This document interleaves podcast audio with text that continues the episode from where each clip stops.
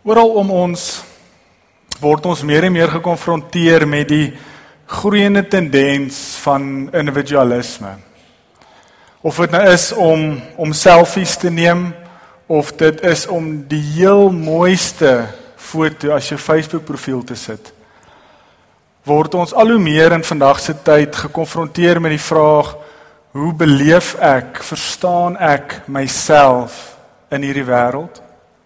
Hoe vind ek betekenis in hierdie wêreld? En hoe vervul ek myself? Hoe druk ek myself uit in hierdie groeiende kultuur van individualisme? Dis 'n wêreld waar die eie ek sentraal staan. Miskien het al het ons al hierdie stellings gehoor of selfs is ons mense wat dit al reeds ook gesê het in ons eie lewe van ek lees nie koerant nie. Dit is net so negatief. Ek het nie sulke negativiteit nodig in my lewe nie. As ons in die ry staan vir drive-through takeaways en ons se bedelaar en sê ek het nie nodig om nou skuldig te voel terwyl ek nou in hierdie ry staan om ietsie te koop laat iemand my nou konfronteer om te bedel nie. Wie van ons het dit al gesê of ken mense wat sê ek moet myself eers gaan vind na skool? Voor ek weet in watter rigting ek moet gaan.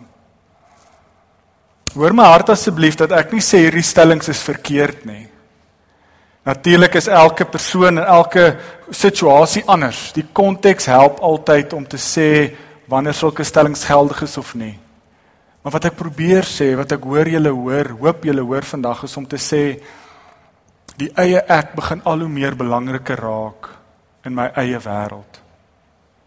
Miskien resoneer jy nie met die stellings van om selfies te neem of jy besit dalk nie 'n selfie stick nie. Die van julle wat nie eens weet wat dit is nie, dit is iets waar jy foto's van jouself neem. En jy kry letterlik stokke wat jy kan gebruik om 'n foto van jouself te neem. Miskien is jy nie iemand wat ure spandeer om jou Facebook profiel die beste profiel te maak sodat die mense wat dit sien die beste van jou kan beleef nie. Maar ongelukkig is hierdie selfsug virus ook in die kerk teenwoordig. Wie van ons het al hierdie woorde gebruik as ons uitstap uit die erediens dat hierdie boodskap was nie nou eintlik vir my bedoel nie. Die dominee het nie eintlik met my gepraat nie.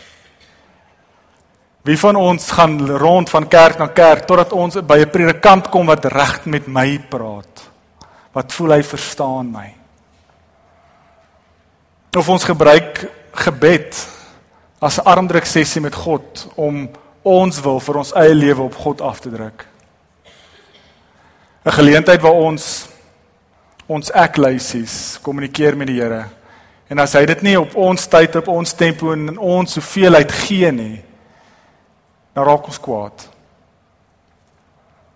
So die idee is nie dat ons moet skuldig voel nie, maar ek ek hoop deur die voorbeelde wat ek genoem het, sal ons hier kan sit vandag en sê ek sien hierdie tendens van individualisme raak. Of dit is in die wêreld of dit is die sosiale media wat dit op ons opforceer of dit ons eie persoonlikhede is. Maar ons word al hoe meer gekonfronteer oor hoe ek my wêreld skep, bou en ek moet sentraal staan binne in my eie wêreld. En iets of iemand wat hierdie wêreld van my aanval of my nie sentraal laat staan nie, skuif ek uit of ignoreer ek. Ek wil graag vandag uit God se woord uit kyk. En ek hoop dit is iets wat vir ons almal na in die hart lê om te vra, hoe lyk 'n gesonde selfliefde? Want dis wat ek aanvanklik gesê het, moet my nie verkeerd hoor om te sê dis dis verkeerd nie. Natuurlik moet ons na God toe kom met al ons gebede, met al ons versoeke. Maar wanneer raak dit selfsugtigheid? En wanneer is dit 'n gesonde verstaan van myself? Hoe lyk 'n gesonde selfliefde? Laat ons nie in 'n selfsugtigheid of 'n selfie sugtige lewe lewe nie. Maar 'n lewe wat God van ons verwag en vra om te leef. Ek wil dit graag doen in die hand van Markus 12 Ons gaan Efesiërs 2 ook lees, so die van julle wat julle Bybels het, kan solank Markus 12 oopmaak. As jy nie 'n Bybel het nie, is ook Bybels hier voor. En dan gaan ons Markus 12 lees en dan sal ons bietjie later ook Efesiërs 2 bietjie lees. En as ons dan Markus 12 lees of begin kyk, ek sal nou nog nie lees nie, ons kan net eers dit opsoek. Dan sien ons hoe hoe Jesus gestuur is deur God om 'n belangrike gebod in ons lewe uit te brei, beter te maak, op te gradeer. Markus 12 is so in die middel van Markus waar daar baie konflik is. Ons lees in vers 18 waar ons nie gaan begin nie, ons gaan lees vanaf vers 28, Markus 12. Lees ons hoe die Sadduseërs Jesus kom konfronteer. Hulle stuur hulle slimste mense na Jesus toe om hom strikvrae te vra. En dan hoop hulle Jesus antwoord verkeerd sodat hulle kan kan hom kan uitvang. En net nadat die Sadduseer op 'n manier op sy plek reggesit is van Jesus gee 'n regte en 'n goeie antwoord. Is daar 'n Fariseer wat net so agter net so rond sweef en hy sien is nou sy geleentheid. En hy spring toe in in die debat en hy sê oké, okay, maar Here, ek het nou vir jou 'n vraag. En dan lees ons dit in Markus 12 vanaf vers 28. Een van die skrifgeleerdes het hulle gehoor redeneer en het nader gestaan.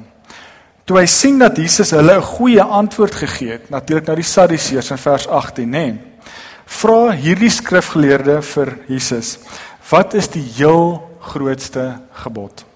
Jesus antwoord hom: "Die eerste is: Luister Israel, die Here ons God is die enigste Here. Jy moet die Here jou God lief hê met jou hele hart, met jou hele siel, met jou hele verstand en met al jou krag." Die tweede is jy moet jou naaste lief hê soos jouself. Geen ander gebod is groter as hierdie twee nie. Nou as ons net tot daar lees, dan glo ek dit is iets wat ons al baie lank al gehoor het. Vir ons as gelowiges in 2018, ons het groot geword met hierdie twee belangrikste gebooie. Maar as ons die konteks verstaan, dan sien ons hoe Jesus baie radikaal is. Die eerste gebod het ons gelees nou-nou, Deuteronomium 6. Die Here, jou God is jou enigste God. En jy moet hom lief hê met jou hele hart, met jou hele siel en met al jou krag of jou verstand. Nou dit is Jesus het nie eers twee keer gedink nie.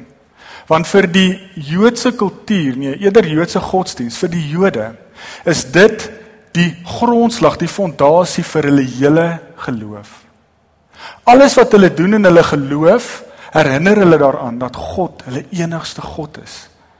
En wat kan hulle doen? Hoe kan hulle dag vir dag ritmes in hulle lewe inbou sodat hulle God kan lief hê met hulle hart, verstand, siel? En hulle noem dit die die Shema. Dit is nou 'n vreemde woord, maar dit is die eerste gebod wat elke liewe enkele Godvreesende Jood ken uit sy hart uit. Voordat hy sy ouers se naam kon sê, leer die ouers hulle hierdie gebod. Die Here jou God is jou enigste God. En jy moet hom lief met jou hele hart, siel en verstand. So vir die skrifgeleerdes kan ek sê nou raak se depressief want dit is die regte antwoord. En elke Jood weet dit. Nou lees ons verder, nou sien ons Jesus gaan een stapie verder en sê, maar die tweede gebod is jy moet jou naaste ook lief hê soos jouself.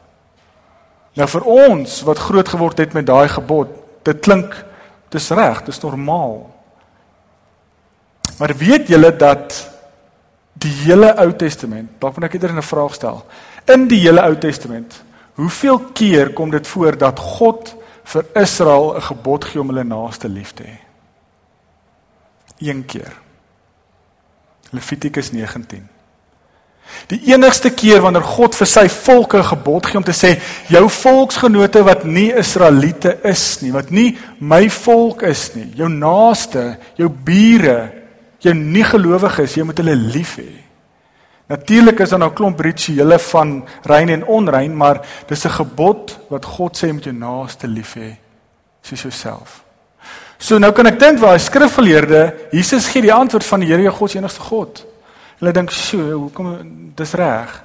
En voordat hy nog kon klaar praat, sê hy, "Maar die tweede een is jy moet jou naaste lief hê soos jouself." Nou weet nou kan ek dink die skrifleerders kan nie met hom redeneer nie want dit is 'n gebod van God want dit is in sy woord. Maar hoe kan dit nou iewes skielik opgegradeer word na die tweede belangrikste gebod toe? En dit is so radikaal Jesus hier is. Jesus gradeer die God se volk Israel, die Ou Testamentiese gebod, ek sal dit graag wil noem die gebod 1.0. Gradeer Jesus op na die Nuwe Testamentiese verstaan van God se koninkryk van gebod 2.0 jy moet ook jou naaste lief hê soos jouself en ons sien hier dat dit is so belangrik vir God dat hy sy eie seun stuur om hierdie gebod op te gradeer so ek dit so kan stel. So hy sê nie die ou gebod is nie meer belangrik nie maar hy sê vir God gaan dit nie meer oor 'n individualistiese ek en God verhouding nie primêr nie. Natuurlik is daai eerste gebod nog steeds daar, maar dit moet nou oorvloei na mekaar toe, na ons toe, na gemeenskap toe. Want in die Ou Testament was dit God se volk Israel en wat kan hulle als doen om binne in God se seën te bly? Maar wat het Jesus kom kom inlei? Wat het Jesus kom inbreek vir ons? Sy koninkryk. Dat God nou sê, maar my naaste, jou naaste is die wêreld. Ons sien dit in Jesus se hele bediening, saam met wie hang hy uit? Hy kom vir die siekes. Hy kom vir die sondaars. Jesus het gekom om vir ons te wys hoe God se koninkryk lyk. Daar waar verhoudings herstel word oor kultuurgrense. Daar waar jy eh, gesig herstel vir mense wat blind is. Daar waar jy weer eer teruggee vir mense die wêreld is God se koninkryk. En om jou naaste lief te hê is om deel te wees van hierdie bediening van Jesus. Om gehoorsaam te wees aan gebod 2.0, soos wat Jesus vir ons wys om ons naaste lief te hê. Ek dink ons kan ook hier sit en sê dit is als mooi peer, maar wat het dit met naaste liefde te maak? En ek dink twee goed wat ek graag wil uitlig. 1 Indien ons vandag in ons eie geloof 'n individualistiese geloof kweek, 'n geloofswêreld waar ek sentraal staan, verval ons nie of haak ons nie vas by gebod 1.0 nie. Om die Here ons God ons enigste God is om lief hê met ons hele hart, siel en verstand.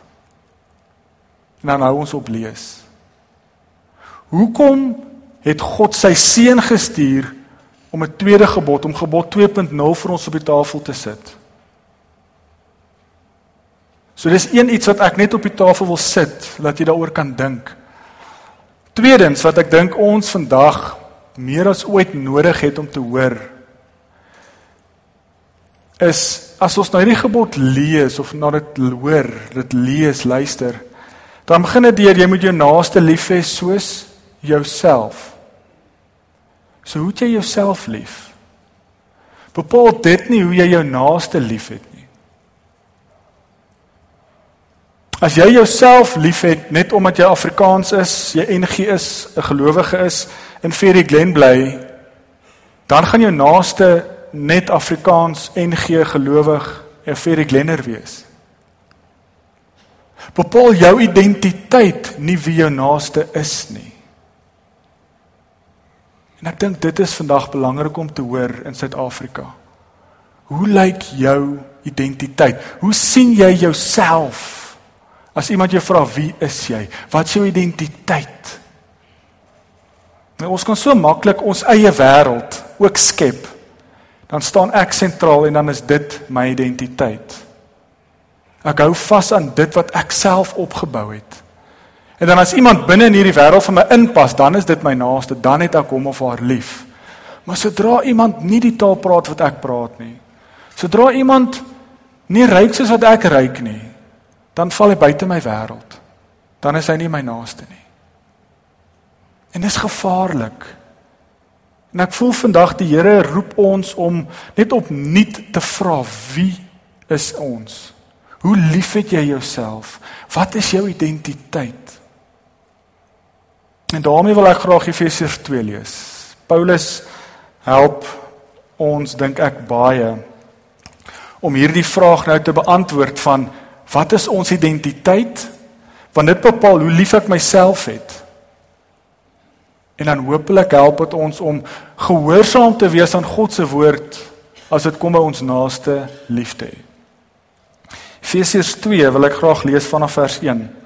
Julle was dood as gevolg van julle oortredings en sondes wat voorheen julle lewenswyse gekenmerk het. Julle het gelewe soos hierdie sondige wêreld en julle laat lei deur die vors van die onsigbare magte. Die gees wat daar nou aan die werk is in die mens wat aan God ongehoorsaam is. So het ons trouens vroeër ook almal gelewe. Ons is deur ons sondige begeertes oorheers en het gedoen net waartoe ons liste ons gelei het en wat in ons gedagtes opgekom het. Van wie ons sondige natuur sou ons net soos die ander mense deur God gestraf moes word. Maar God is ryk in barmhartigheid en hy het ons innig lief. Deur sy groot liefde het hy ons wat dood was as gevolg van ons oortredings saam met Christus lewend gemaak. Uit genade is ons gered. Ja, in Christus Jesus het hy ons saam met hom opgewek uit die dood en ons saam met hom 'n plek in die hemel gegee, sodat God ook in die tye wat kom sou laat sien hoe geweldig groot sy genade is deur die goedheid wat hy in Jesus Christus aan ons bewys het. Julle is inderdaad uit genade gered deur geloof. Hierdie redding kom nie uit julleself nie. Dis 'n gawe van God.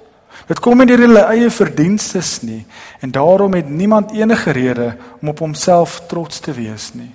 Nee. God het ons gemaak wat ons nou is. In Christus Jesus het hy ons geskep om ons lewe te wy aan die goeie dade waarvoor hy ons bestem het. Ons lees net tot daar. As ons Efesiërs 2 lees met hierdie vraag wat ons vra vandag, hierdie selfliefde, hierdie gebod 1.0 en gebod 2.0 en die hoe jou naaste lyk en ons identiteit. Dan is dit baie maklik om raak te sien wat Paulus hier sê as hy sê ons vorige lewe, ons was sondaars. Ons lewe was beheer deur wat ons wil doen. Wat ook al ek wil doen, het ek gedoen. Is dit nie vandag hoe individualisme lyk nie? Is dit nie hoe die selfsug virus lyk in 'n geloofslewe nie? 'n Lewe wat gelei word, beheer word deur wat ek wil doen. Jy stel net belang in gemeenskap as jy kan beantwoord wat is in dit vir my?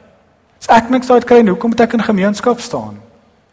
Hoekom moet ek uitgedaag word om anders te dink, ander mense lief te hê wat nie soos ek dink nie? So my wêreld is my wêreld en ek staan sentraal. Is dit in die gevaar van ons vorige sondige lewe om nou nog toe te laat dat ons deur daai lewe beheer word nie? Maar die goeie nuus is dat ons self kan nie gered word uit hierdie wêreld uit nie. Uit ons selfsug wêreld uit nie. Dit is waar ons deur die kruis na Christus kyk net op ons knieë kan neerval en kan sê dankie Here. Dankie dat hy ons kom kry daar in ons eie selfsug wêreld.